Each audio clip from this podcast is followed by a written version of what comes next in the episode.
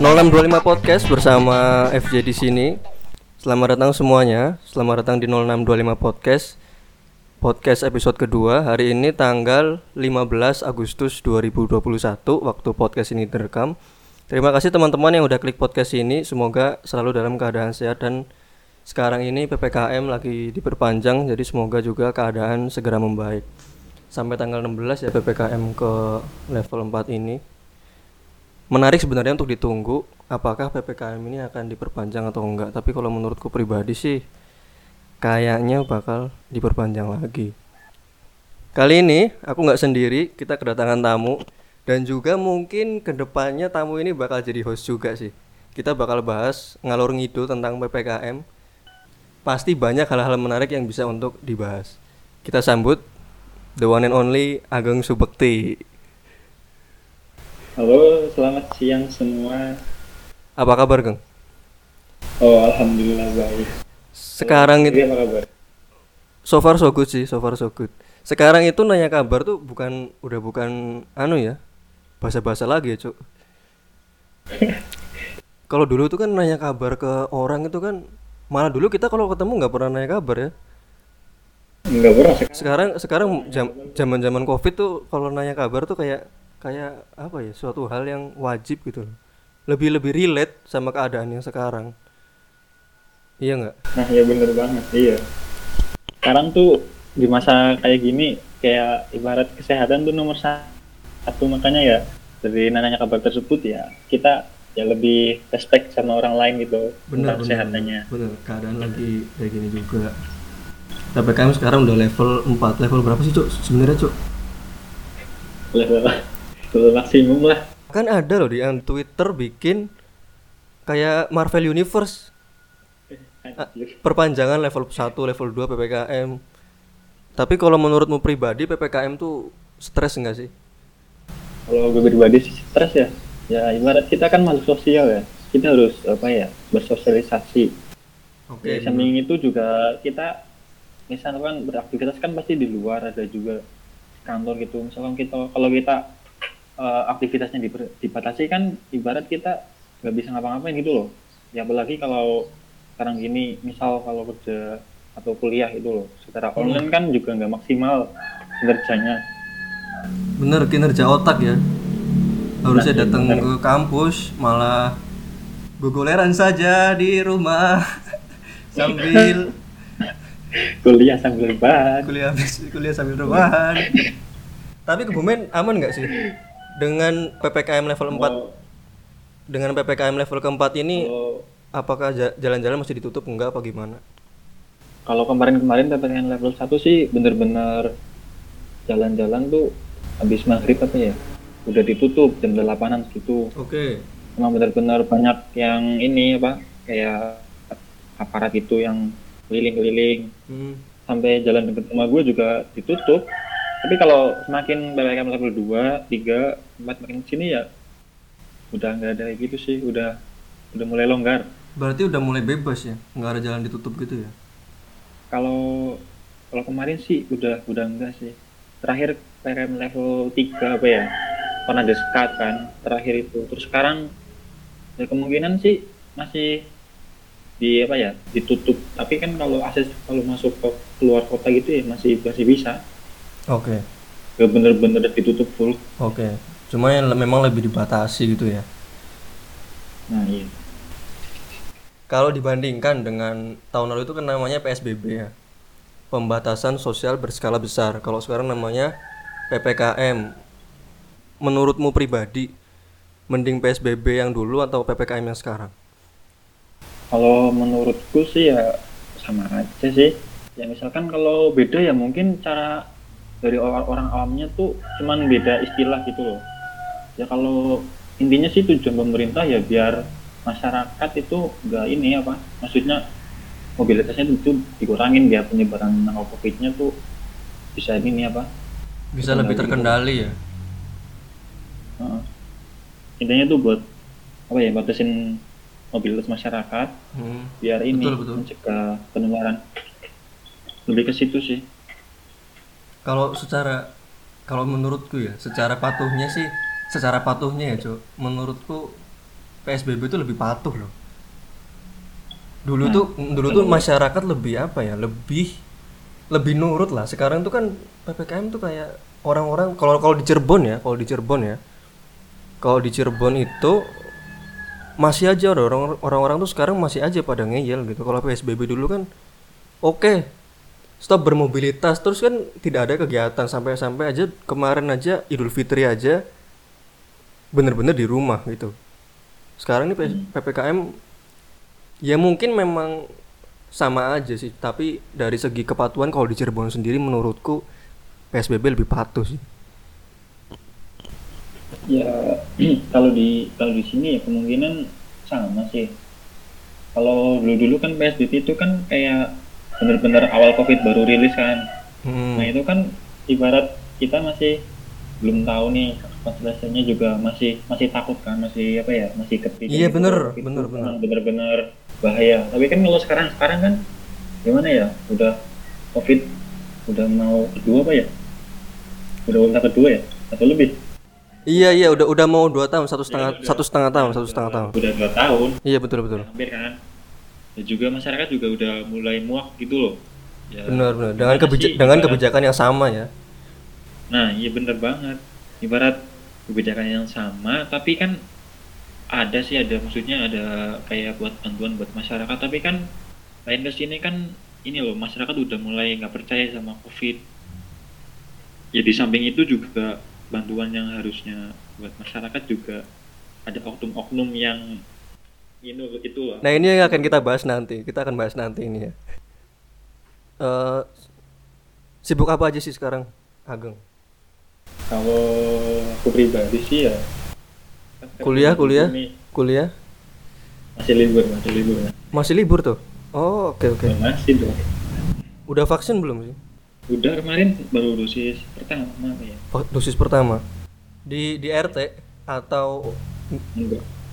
Di ini di apa ya? Di Kodim tapi kan kemarin kayak kodim gitu. kodim kebumen?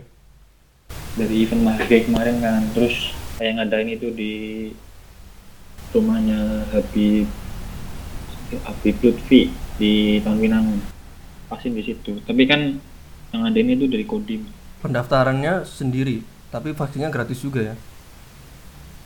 gratis sih tapi emang bener-bener ngantri banget Ngantri. Oke. Apakah di stok waktu itu?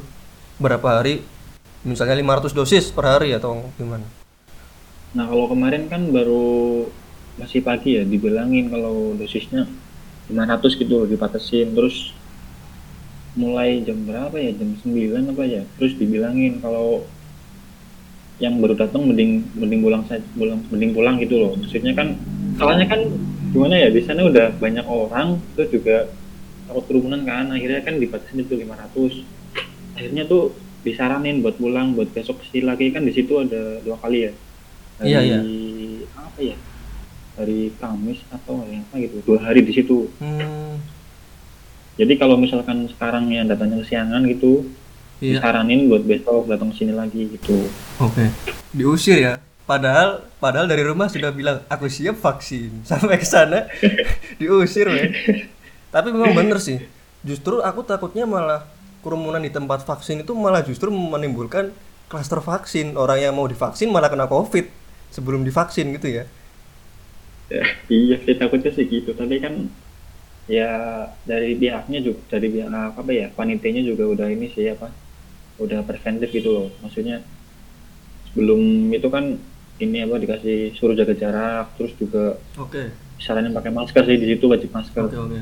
Berarti tetap memperhatikan protokol kesehatan ya. nah iya benar Ada cerita menarik nggak soal vaksin di Kebumen? ada sih Apa cuy? Tahu Apa cuy? temen-temen kita nggak si Aldino tahu nggak Albino. temen SMP iya temen SMP nah dia kan waktu kemarin kan vaksin tuh bareng gua nah di situ kan emang awalnya sih gua nggak lihat terus waktu gua mau ke belakangan mau kencing terus gua lihat dia terus gua disapa nih nah di situ kan kita nunggu bareng tuh sama temen gue juga berempat Oke. apa ya terus waktu nunggu emang lama sih kan sempet pindah tuh ke, ke depan ini apa depan yang buat vaksin kan di di, di, di dekat situ Oke. akhirnya kan jam berapa ya nunggu dari jam 8 baru buka vaksin sampai nunggu jam sekitar jam 11 lah baru dipanggil Oke. Nah ini itu kan posisinya temen gue udah masuk satu. Terus si Aldino sama gue kan kurang lebih depan belakang gitu loh. Udah divaksin udah disuntik udah mau dapat kartunya kan. Gue kan keluar dulu nih. Nah, Oke. si Aldino tuh ditungguin kan gue sama temen gue kan di, di di luar. Si Aldinonya kok nggak keluar keluar terus Kenapa, Cok? temen gue temen gue lihat ke, ke dalam lagi kan. Eh, terus si Aldo si Aldino kayaknya deh ini apa? Pingsan serius loh. lemas gitu loh. Beneran. Itu itu itu Orang kon- dari- itu kondisi belum divaksin. udah udah. Terus udah divaksin. Loh, kenapa pingsan? Kemungkinan Kenapa dia- pingsan? ya kemungkinan sih dia bisa aja sih kan harusnya kalau mau vaksin kan malamnya tidur cukup. Oke, makan oke, dulu, benar, benar. minum teh gitu ya kemungkinan dia bisa aja nggak ya, tidurnya kurang atau nggak kurang belum sarapan atau enggak nunggunya yang kelamaan. Bisa aja sih gitu kemungkinan gitu loh Iya, iya, iya. soalnya dari kemarin kan udah tungguin tuh sama temen gua di dalam tuh dilihat terus si si Alderonya kayak lagi ini apa dikasih minum teh gitu loh sama petugasnya Oh. Emang kasihan sih pokoknya udah pucat gitu loh Jadi bahkan ada kejadian habis vaksin pingsan ya? Aku baru tahu loh. ya kemungkinan sih kayak mau pingsan gitu loh udah Oh, oh, belum pingsan tapi lemes ya. belum belum masih Oke, oke, oke, oke. Cukup menarik. Tapi emang. Untuk kebumen. tapi dirimu vaksinnya tuh pakai fotokopi KTP atau gimana? kalau kemarin sih vaksinnya pakai ini bawa fotokopi KTP sama fotokopi KK sih. Di sana. Emang harus bawa situ sih. Kalau misalkan kemarin kan dibilangin kalau misalkan kurang apa ya persyaratannya itu suruh lengkapin dulu. Kalau enggak buat besok datang lagi ke sini gitu katanya Tapi berbeda-beda ternyata ya. Aku itu vaksin butuh fotokopi eh, KTP. Di Kebumen ternyata butuh fotokopi kakak juga ya. iya sih emang di situ cuman KTP doang nggak ada maksudnya persyaratan yang lain nggak ada persyaratan lain cuman bawa fotokopi KTP aja bahkan setauku di peraturannya nggak nggak nggak perlu bawa fotokopi KTP atau fotokopi kakak cuman bawa KTP aja kan kan KTP elektronik kan iya sih tapi berarti ada ada ya- ada perbedaan Kali ya. Ya, kemungkinan ini loh, apa maksudnya kayak buat tiap daerah itu maksudnya aturannya beda-beda gitu loh, mas. Nggak, maksudnya nggak disamain gitu tiap daerah itu harus sama. Kemungkinan juga KTP, eh, kakaknya juga buat ini sih mungkin buat menyinkronin antara ini apa KTP sama kakaknya itu sama apa enggak gitu loh. Mungkin kalau di daerah-daerah lain ya ada yang KTP doang atau cuman KTP sama kakak gitu buat persyaratannya. Oke jadi sebenarnya vaksin itu walaupun banyak problematika sebenarnya vaksin itu yang penting vaksin ya. Dan nggak usah pilih-pilih vaksin lah. Ada soalnya beberapa di Twitter aku kan main Twitter ada yang mau pilih vaksin inilah mau vaksin itulah gitu. Maksudku vaksin apa aja kan sebenarnya sama untuk melindungi kita dari terkena covid gitu. Terkena sih mungkin masih mungkin masih bisa ya cuman mengurangi bahaya yang bisa kayak kita bikin ini loh. Kayak kita bikin apa namanya? Antibody untuk diri kita sendiri. Ini ya? Nah iya benar. Iya iya. Jangan sampai gara-gara vaksinnya milih-milih belum vaksin udah meninggal duluan. meninggal nanti konyol kan tuh iya mati konyol karena milih vaksin kelamaan padahal padahal di daerahnya ada Sinovac dia pengen AstraZeneca ya. AstraZeneca Bahkan ya Sinovac itu kalau di aku ya di Cirebon ya. Sinovac itu jangka dari periode pertama vaksin sampai periode kedua vaksin itu cuma dua minggu. Kalau AstraZeneca itu tiga bulan cuy jaraknya. tapi kalau dosisnya itu katanya kalau AstraZeneca itu emang bener-bener kalau setelah divaksin ada yang bilang ini loh apa ya bener-bener kerasa gitu loh sakit gitu kalau kemarin kan gua kan pastinya pakai ini kayak Sinovac kan cuman pegel-pegel Oke. doang sih nggak ada kayak pusing atau pegel-pegel badannya itu nggak ada cuman pegel doang Dan belum dosis kedua ya Geng ya dirimu ya. bulan depan intinya tapi kurang tahu tanggalnya berapa belum tak cek lagi sih soalnya Dan menurut pendapatku pribadi dan pendapat semua orang pada umumnya, katanya vaksin kedua itu lebih sakit daripada vaksin pertama. mungkin eh kalau kalau menurutku nih kalau vaksin pertama kan mungkin kayak dimasukin dosisnya tuh cuman berapa itu perbandingannya kalau mungkin kalau dosis dua mungkin kayak cairan yang apa ya dimasukin lewat suntik itu mungkin kemungkinan lebih banyak gitu loh. makanya itu yang bikin sakit Mungkin ya, tapi memang Dan memang memang pengalamanku sendiri pegelnya sama nyerinya lebih lama cuy. Dan memang teman-temanku yang di luar daerah yang vaksinnya beda, dapatnya AstraZeneca dan kawan-kawan memang merasakan hal yang sama. Vaksin keduanya memang lebih pegel dan nyeri. Nggak tahu sih. Penyebab pastinya sih nggak tahu ya. Opinimu itu ya memang cukup masuk akal juga ya. terus juga mungkin kayak kandungannya mungkin dari dosis pertama sama kedua mungkin kayak misalkan kayak kandungan A di sini cuman berapa mili kalau di dosis kedua itu kandungan A mungkin ditambahin gitu Biasanya kan kalau dosis kedua kemungkinan ya terakhir kali ya nggak ada vaksin lagi kan Iya iya. Nggak ada vaksin lagi. udah ah, dosisnya udah dimaksimalin gitu biar antibodinya tuh bener-bener ini apa terbentuk Oke, aku mau menyinggung dikit yang tadi masalah fotokopi KK dan fotokopi KTP yang di setiap orang berbeda-beda ya. nah. Kita di sini sebenarnya problematikanya adalah ada beberapa orang yang contoh misalkan Geng, KTP-nya hilang, terus dia mau vaksin. Pas ke tempat vaksin harus butuh fotokopi KTP. Dan dia sampai sekarang belum divaksin. Pas dia mau bu- pas dia mau bikin KTP lagi di Dispenduk Capil, syaratnya harus punya surat vaksin. Nah, ini kan apa ya? Jadi menimbulkan gimana gitu mau vaksin tapi KTP-nya hilang nggak boleh vaksin. Mau bikin KTP harus butuh surat vaksin. Ini kan problematika di masyarakat. Memang nggak di semua daerah. Cuman di daerah tertentu aku baca di Twitter memang seperti itu. Menurut lu gimana? Problematika seperti ini. Kalau kayak gitu sih ibarat kita mau vaksin tapi kita butuh KTP nih misalkan kan kan, kan KTP-nya hilang Oke. kan kalau menurutku sih kalau di situ ya mungkin bisa apa ya jadi ganti dengan kakak kan KTP juga apa ya ibaratnya kan data kita itu sama aja sama di kartu keluarga gitu loh yang ngapain Oke bener sih, bener sih, bener sih bisa pakai kakak ya.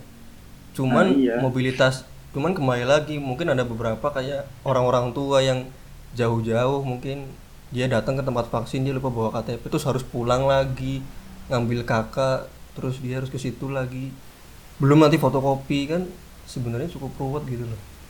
Tapi itu problem problematika ya problematika ya. Ya aku malah ada cerita menarik vaksin kedua kemarin. Ada ibu-ibu jadi jadi si tempat vaksinnya itu tutupnya jam 4 si ibu-ibunya rumahnya di Kanci. Jadi Cirebon ke Kanci itu lumayan jauh cuy. Dari Kanci dia datang jam 4 lebih 10 tempatnya udah tutup. Kasihan banget sih. Itu kan Iya. itu kan juga problematika juga ya udah jauh-jauh. Maksudnya dia nggak dia udah dia udah rela menahan nggak keluar rumah. Terus dia kan keluar mau vaksin tapi tiba-tiba tuh tempatnya tutup gitu kan. Tapi ya kalau kayak gitu sih harusnya kalau gue pribadi nih kalau mau vaksin sih kalau emang dosis pertama kan kita belum tahu apa apa nih vaksinnya di mana. Nah kita tuh biasanya kayak cari-cari info dulu. Kan kalau di tempatku di Kebumen nih yang buka mana aja terus kalau bukanya tuh kuota berapa terus biasanya kan ada dibatasin kan kuota maksimal berapa terus jam bukanya sampai jam berapa gitu loh. Mungkin kalau dari ibunya sih mungkin ini loh apa ya mungkin dianya kayak kurang informasi gitu di tempat vaksinnya tuh emang bener-bener kayak bukanya jam ber- sampai jam berapa gitu. Mungkin ibunya juga kurang informasi memang makanya memang. Memang kurang Ibunya informasi. Makanya itu jadi cerita gitu ya. makanya itu jadi cerita yang cukup lucu sebenarnya. Datang jam 4 lebih 10 men. Kasihan banget loh. Mungkin ibunya ini kali ya. Ngasuh anak kali ya apa ngasuh cucu? Oh iya iya bener. Oh kemarin ibunya bawa cucu kebetulan. Wah berarti berarti harus harus mandiin cucunya dulu nah iya dan lain sebagainya baru vaksin kalau kalau Mas Mas FJ sendiri vaksinnya di, di mana tuh kemarin? Aku kemarin di ini di perusahaan, perusahaan ngadain cuy. Namanya vaksin gotong royong. vaksin gotong royong. Iya, perusahaan ngadain. Alhamdulillah loh. Vaksinnya Sinovac.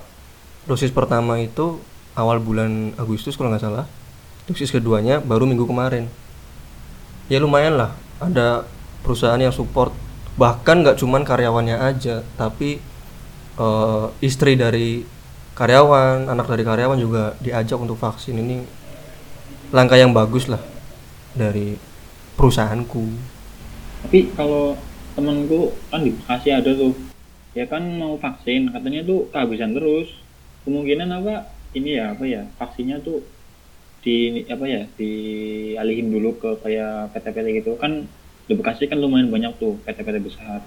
Apa kemungkinan vaksinnya itu dialihin dulu ke karyawan dulu, habis itu baru ke masyarakat sekitar. Atau gimana ya menurutmu? kurang tahu ya Kang tapi gimana ya mulainya itu kan namanya vaksin gotong royong kalau buat PT-PT aku nggak tahu ya PT lainnya apakah vaksin gotong royong nggak tapi yang jelasnya vaksin gotong royong itu vaksin impor dari luar negeri jadi bukan stok dari Indonesia sendiri gitu loh stok Oh, tambahan. iya, iya. jadi mungkin ya mungkin memang di daerah tersebut memang pengirimannya mungkin cukup lambat atau apa segala macam tapi ya mungkin bisa juga dialihkan dulu. Tapi yang pasti sih itu memang vaksin bukan stok Indonesia.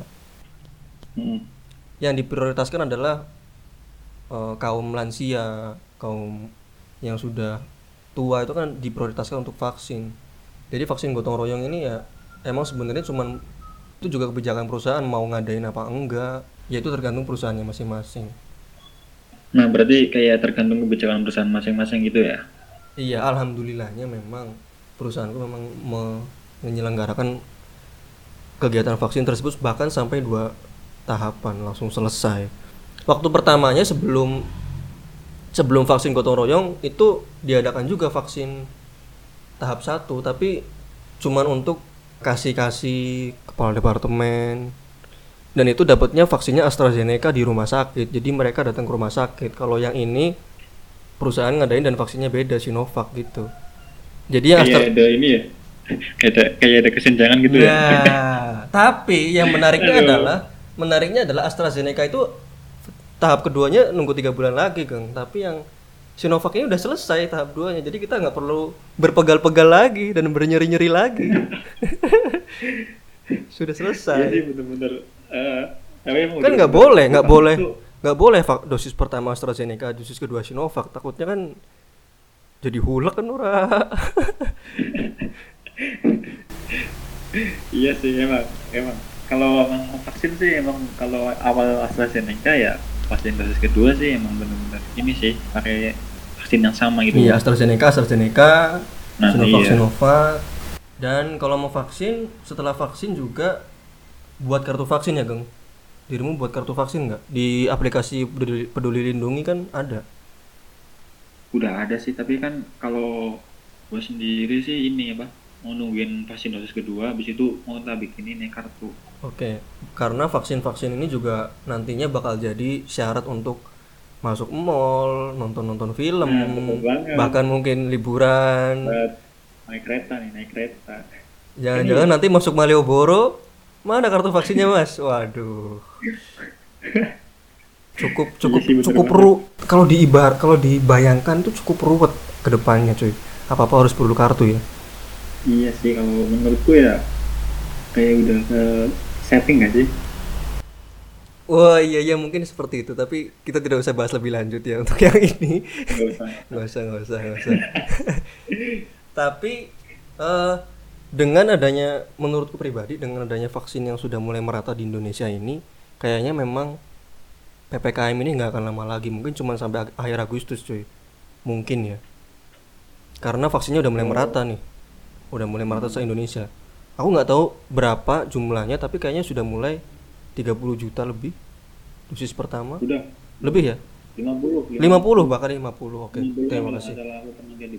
iya iya. Bahkan udah mulai 50 juta jadi kayaknya sudah mulai ada titik terang nih dari covid ini. Kayaknya ppkm nya juga nggak bakal lama-lama. Nah iya sih. Ya itu sedikit dari vaksin. Jadi teman-teman yang mau vaksin segera vaksin, tidak usah memilih vaksin-vaksin tertentu karena semua vaksin juga bagus untuk intinya sama intinya sama. Jangan sampai nunggu-nunggu vaksin keburu meninggal. Kena covid kan kita nggak tahu men, kita nggak tahu men. Kena Nah, covid iya itu kan juga. nggak tahu men. tapi tapi ada nggak sih kayak kemungkinan gini loh misalkan kayak eh, ini kan saya mau tanya nih misalkan kan kayak vaksin kan ibarat udah ada penutupan gitu loh misalkan udah Oke, Kita dalam dalam dalam habis itu statis udah- dalam statistik Indonesia sudah semua vaksin misalkan seperti itu ya. nah ya ibaratnya kan ibarat kan kayak masih ada vaksin yang buat ini apa ya buat umur umur muda gitu loh ibarat kan masih kemarin yang masih belum umur cukup umur buat divaksin kan belum dapat Oke. kan terus umur sekarang udah contoh nih kayak remaja umur 16 tahun Oke. terus kan belum cukup umur buat divaksin Oke. waktu itu untuk vaksin untuk anak-anak itu dia tidak ikut Hmm. Eh, misalkan alasannya dia takut sama jarum suntik gitu loh terus waktu Waduh. sekarang kan dia udah umur Siap. 18 Siap. Terus? udah mencukupi untuk buat divaksin Ah, nah itu program vaksin udah gak ada nah dia misalkan pengen pergi ke suatu daerah atau dia pengen masuk ke mall dia kan harus menunjukkan ini loh apa surat vaksin iya sertifikat vaksin Ya gitu. memang nah itu solusinya gimana memang menurutku pribadi mau takut jarum suntik atau enggak memang harus divaksin sih. Dan kan sebenarnya COVID ini kan sama kayak virus-virus yang lain. Contoh misalnya polio, kita yang diimunisasi waktu kecil tuh. Jadi walaupun sebenarnya secara umur dewasa mungkin statistik di Indonesia mungkin nantinya sudah cukup untuk vaksin semuanya, tapi yang belum divaksin ini juga pasti ada stok lah pastinya nggak mungkin habis bis lah cuy. Pastilah. Dan dan malah menurutku malah menurutku ketika ke depan ini mungkin cara menanggulangi covidnya vaksinnya bisa diperkuat lagi. Misalnya ada versi terbaru dari vaksinnya bisa lebih kuat kan malah lebih bagus untuk teman-teman yang sekarang masih belum cukup umur untuk divaksin besok ketika mungkin vaksinnya bisa lebih diperkuat lagi teman-teman bisa dapat lebih banyak perlindungan dari vaksin tersebut. Jadi intinya kalau jarum suntik takut disuntik emang harus wajib vaksin ah, sih. dan dan dan mending menurutku pribadi ya mending divaksin daripada diambil darah.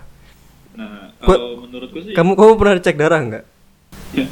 Diambil darah juga pernah sih. Aku aku pernah cuy diambil darah cuy pernah diambil darah udah disuntik darahnya nggak keluar pas ditarik wah pegelnya luar biasa. Serius. Jarumnya jarumnya itu lebih besar biasanya iya betul betul.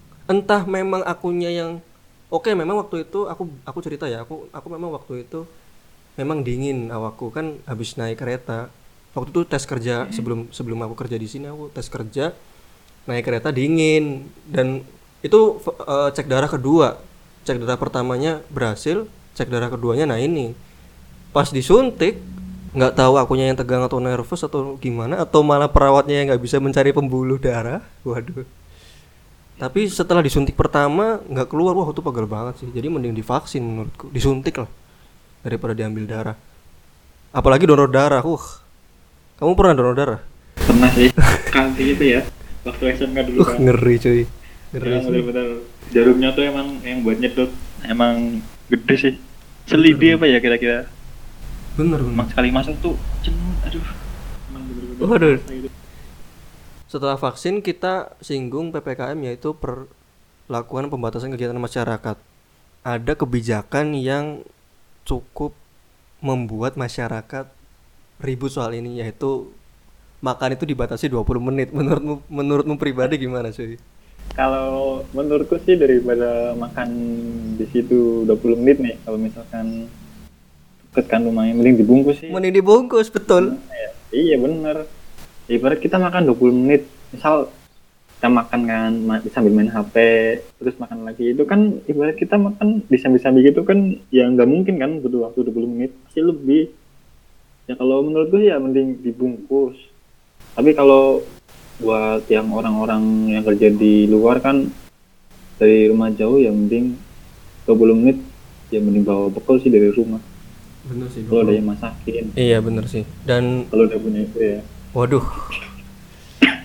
Jangan sibuk-sibuk istri bro. dong. ya iya dong betul Jadi betul ibarat kita yang masakin siapa gitu loh mending mending masak sendiri ya masak masak sendiri ya nah iya kalau kamu makan berapa menit kalau kalau aku sih makan ya sekitar 10 15 lah. Ya tergantung sih.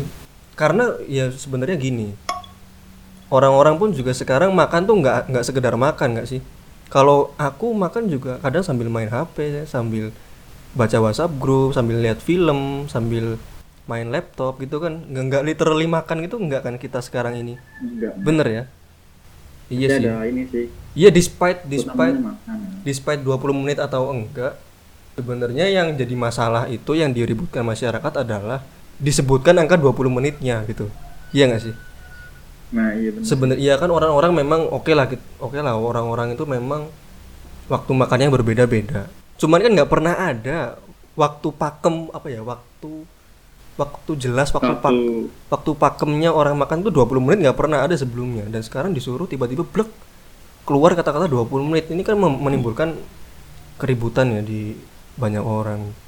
Sebenarnya exact exact masalahnya adalah ada kata 20 menit itu menurutku.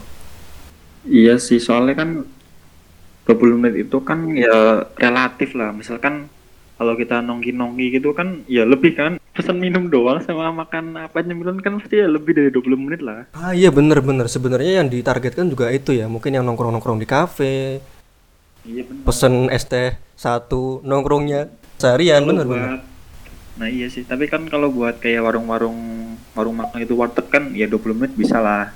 Tapi kalau yang buat kafe-kafe gitu kan kita kan biasanya nongki itu pesen pesen makan dikit, minum dikit. Kan kita intinya tuh di sana buat revian, buat pansos betul gitu. betul pansos di Instagram ya story story ya.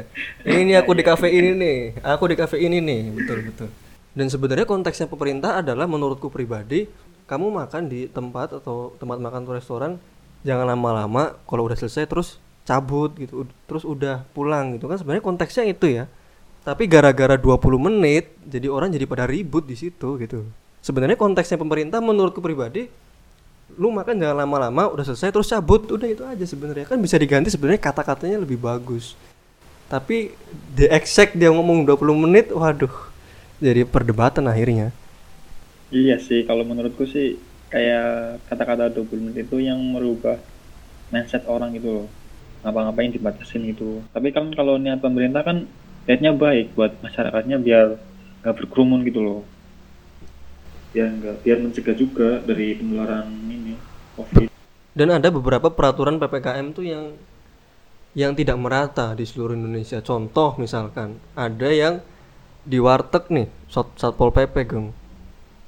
Dia menyita rice cooker punyanya wartegnya.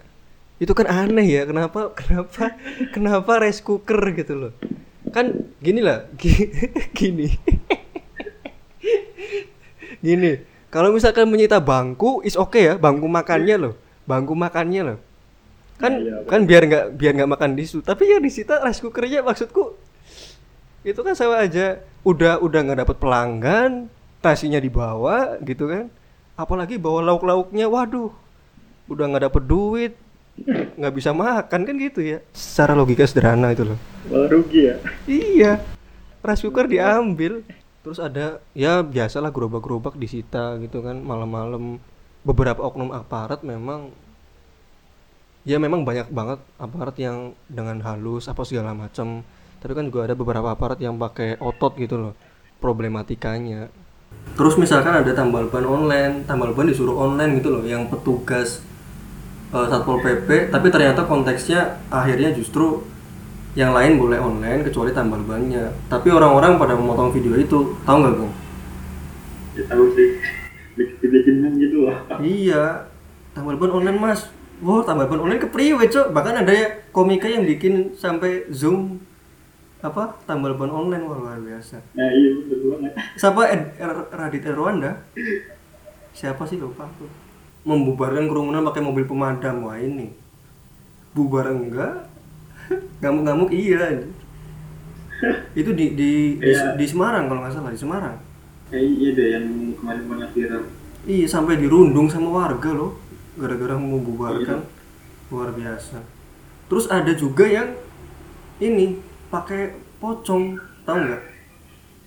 Oh iya, yang yang pocong di daerah Jawa Timur kan iya ya? pakai pocong buat nakut nakutin warga. Luar biasa men. Itu itu itu kan sebenarnya kan itu kan yang pemerintah ya pemerintah yang anu ya Ya, itu berita deh. Kayak buat nakut-nakutin. Kemarin tuh yang pocong-pocongan itu kan di daerah Jawa Timuran ya.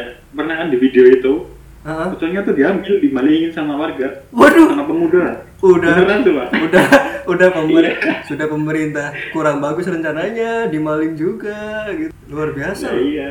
dan itu kan sebenarnya pemerintah pemerintah juga pasti ada rencana dong ada plan dong untuk bikin pocong-pocongan itu kan? Kenapa harus pocong-pocongan gitu? Dan kasihan Sesuai tradisi loh ya. waduh. Dan kasihan pocong yang asli. Waduh job saya diambil. Waduh. Luar biasa. Aduh. kocak banget banyak banget berita-berita kocak soal covid ini sebenarnya.